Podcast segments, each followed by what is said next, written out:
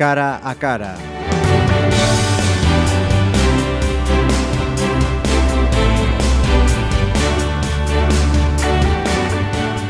Saludos en este cara a cara mágico, vamos a decirlo así.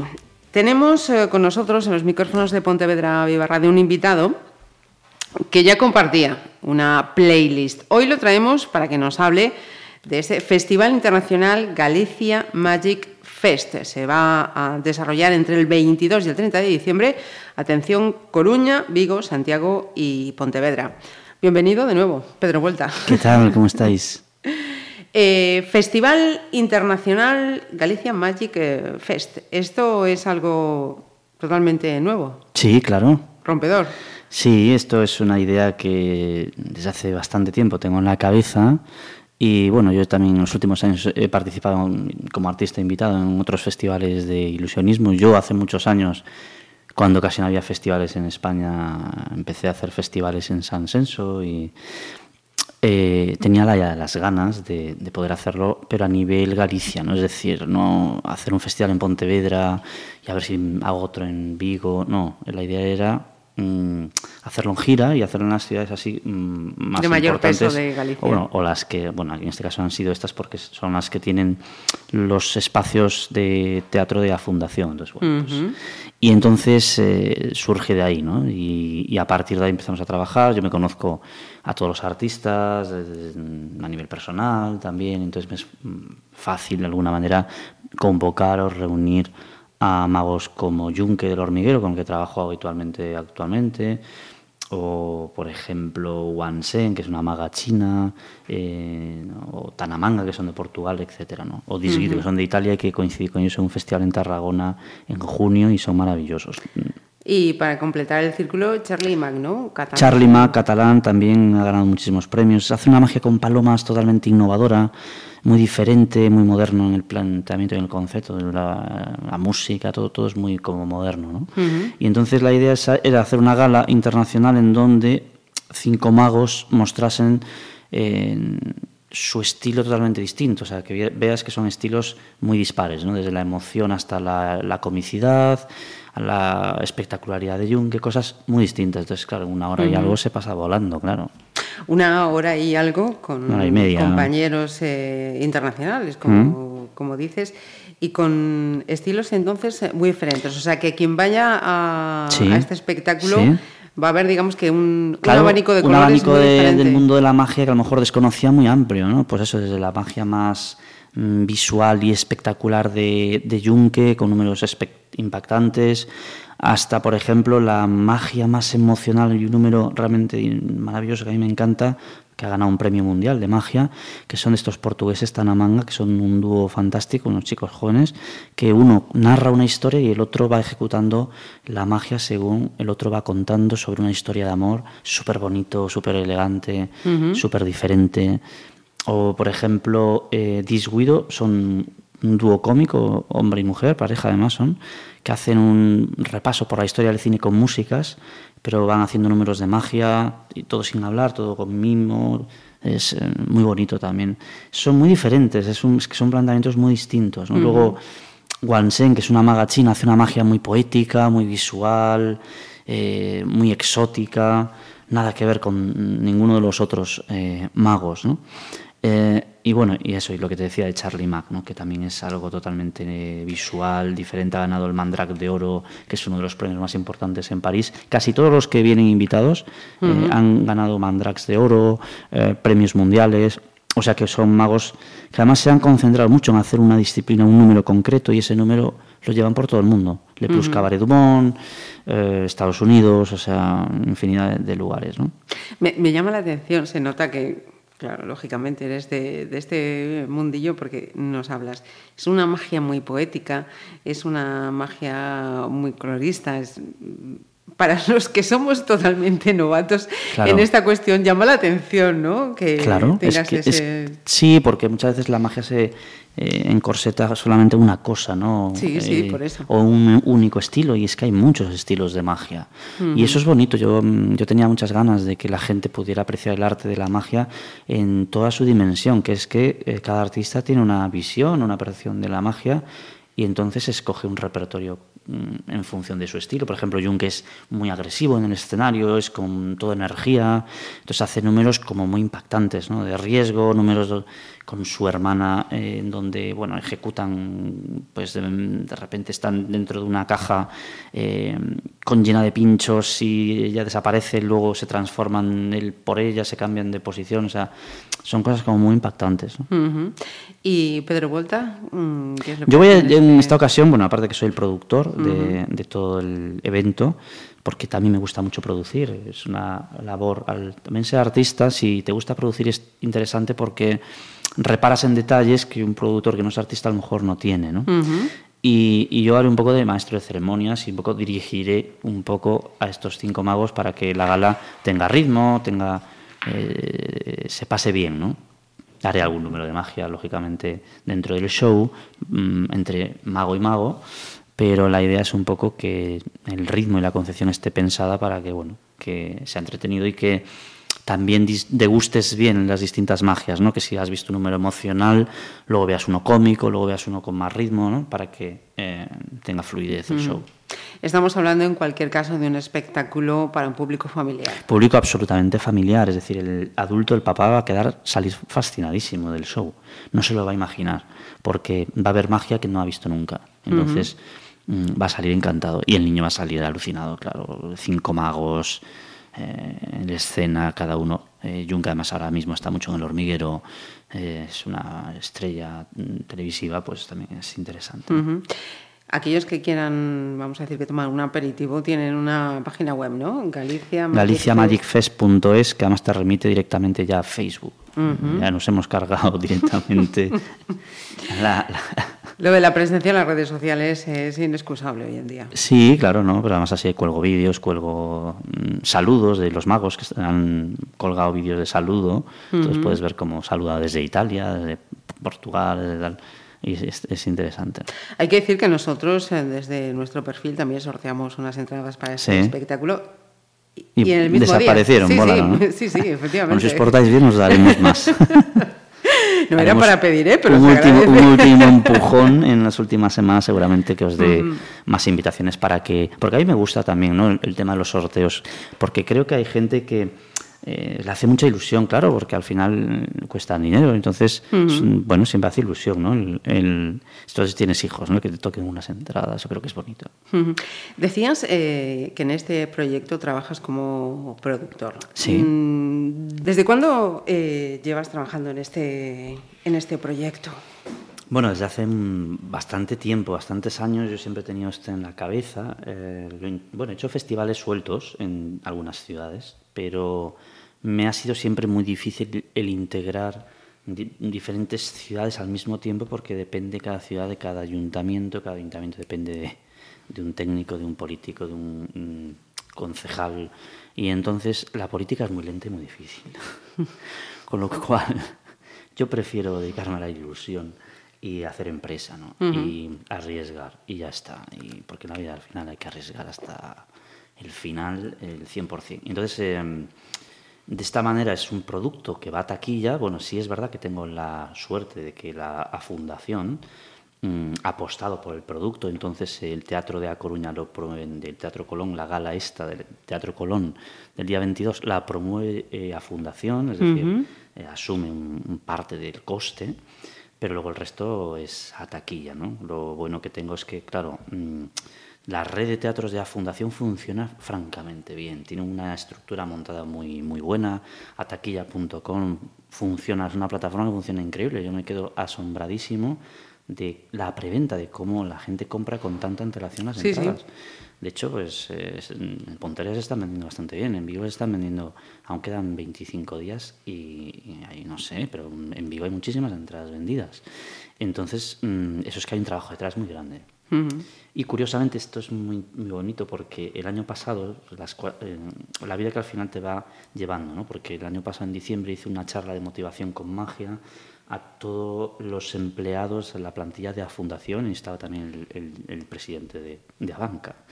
Y, y, a raíz de ahí, pues bueno, eh, varias reuniones y bueno, al final pues les gustó mucho la idea, claro. O sea que vas a ver también por tu parte un sueño cumplido. Por supuesto, un sueño desde hace mucho tiempo porque al final eh, estar en estos teatros es estar en la primera línea, ¿no? es decir, es donde los musicales que vienen de fuera van a estos teatros, todas las producciones importantes de fuera van a estos teatros.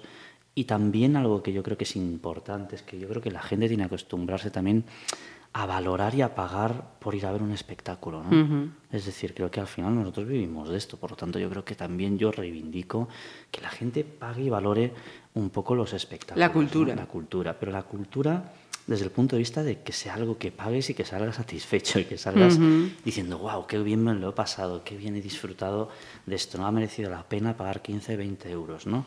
Yo creo que hay que hacer una reflexión y esto tiene que ser una industria, más allá de eh, los aspectos culturales que son de promover eh, ciertas filosofías o ciertas tendencias. ¿no? Yo creo que al final debe haber en, dentro del mundo del show business una serie de espectáculos que tienen que conseguir que la gente quiera ir pagando y que salgan satisfechos. Luego hay otra, otro tipo de espectáculos que son de reflexión, que son un poco de, de nuestra parte de interiorización, tal, que son, a lo mejor entran en otro rango. ¿no? Esto es como más comercial todo, pero yo reivindico 100% eh, hacer cosas comerciales, porque al final, si no se hicieran cosas comerciales, esto moriría. Igual que en el cine, igual que luego podemos hacer ¿sabes? Divagar y lo que sea, pero al final eh, lo importante es que el teatro se llene, si no se llena el teatro, no podríamos ni traer a esos artistas, ni yo podría seguir adelante con mis proyectos. Entonces yo creo que, y además que hoy en día hay un factor que es muy curioso, es que ahora las familias van mucho más al teatro. ¿Por qué? Porque el precio del cine se ha disparado eh, te cuesta ir al cine casi 10 euros, más 10 euros de las palomitas más tal, al final te cuesta casi 30 euros ir al cine, ¿no? Y sin embargo ahora puedes ir a ver un show como este de Galicia Magic Fest por 15, 18, 20 euros, pero ¿sabes que te cuesta eso? No te cuesta más. no, te, no te meten extras, ¿no? Entonces, al final vas a ver un show en directo, una experiencia. Yo creo que por eso ahora yo sí veo que los teatros se llenan de, sobre todo de público familiar, pero una, una cosa exagerada. ¿eh? sí. A lo mejor en otro tipo de, obras de teatro no, y es verdad que el teatro sufre también en ese, en ese aspecto, pero a lo mejor ahora han cambiado también los gustos en estos cuatro años. Entonces eh, la gente a lo mejor demanda en el teatro cosas que no le hagan pensar demasiado, cosas que sean, ¿sabes?, más sensoriales, no tanto de fijarse en el texto, no sé de disfrutar más que de reflexionar. Es que ahora hay muchos sitios donde puedes reflexionar y ahora la gente hace mucho más deporte que antes, anda más que antes, corre más que antes, va yoga, va fitness, va mindfulness. Entonces, ya no, el teatro no es el único espacio donde uno se sienta y es como un templo, ¿no? hay muchas más cosas. Yo creo que esta es mi, visión, ¿eh? Sí, no sí, sé sí. estoy equivocado, pero... Y luego hay otro factor, que es que estamos hartos de, estar todo el día delante de una pantalla. O sea, pantalla del móvil, pantalla del iPad, pantalla de la tele, pantalla del portátil, pantalla de todo. Entonces, al final ver un show en directo es maravilloso. Y por eso la magia, mm, yo creo que está, yo digo, me atrevo a decir, en uno de los mm, grandes momentos, la época, segunda época de la magia. Porque ahora, más que nunca, la gente tiene ganas de ir a ver eh, cosas en directo y claro, un show de magia, aunque tú hayas visto en YouTube mil cosas de magia incluso, aunque sepas eh, los secretos, ¿no? porque ahora es más fácil acceder a través de YouTube, te da igual, luego cuando lo ves en directo dices, pero ¿cómo puede hacer eso? Eh, o sea, el impacto de YouTube es muy rápido, es los dos primeros segundos lo ves, ah, dan, ¿no? Pero la sensación personal de estar en el show y ver cosas en directo que pasan, claro, de repente es, ostras, algo de verdad, algo real que estoy viendo, que no, no es a través de un cristal, ¿no? Entonces, por eso yo creo que la gente hoy en día le apetece tener experiencia social de ir al teatro. Y que sí que es cierto ahora que decías eso de la segunda época dorada del arte de la magia, sí, claro. sí, que, sí que he escuchado... Eh, y además tengo las caras y los nombres y apellidos de, esos niños y esas niñas ¿Mm? que, que, viven a sus padres. Eh, papá, está el mago tal y quiero ir a verlo. Eh, está... Es cierto, es cierto. Cosa que pues en mi generación no, no era no, tan habitual, porque eh, quizá tampoco lo sabía tan... tan... Bueno, ha habido mm, en los últimos años también un un éxito apabullante en televisión de magos eh, como Dynamo o Cosentino en Australia. en donde gracias a las redes sociales se ha eh, difundido de una manera brutal ¿no? la magia. Eh, entonces yo creo que al final la magia, cuanto más expuesta está hoy en día, eh, claro, la gente más ganas tiene de ver si eso, es, oye, pero eso en directo será verdad, se puede hacer, no se puede hacer, ¿no? Y, porque yo creo que estamos en un momento donde a la gente le apetece también ilusionarse y sorprenderse. Yo creo que la magia nunca jamás eh, tendrá fin, es decir, eh, pueden cambiar los métodos, las, las fórmulas, pero eh, es condición que nos sorprendamos, ¿no? lo que nos ilusionemos sobre todo. Entonces, siempre va a haber magos, a lo largo de la historia habrá magos, cada vez tendrán que evolucionar más, tendrán que exprimir más el cerebro para crear nuevas cosas, pero la magia siempre estará vigente porque el mago siempre va un poco por delante en muchos aspectos. ¿no?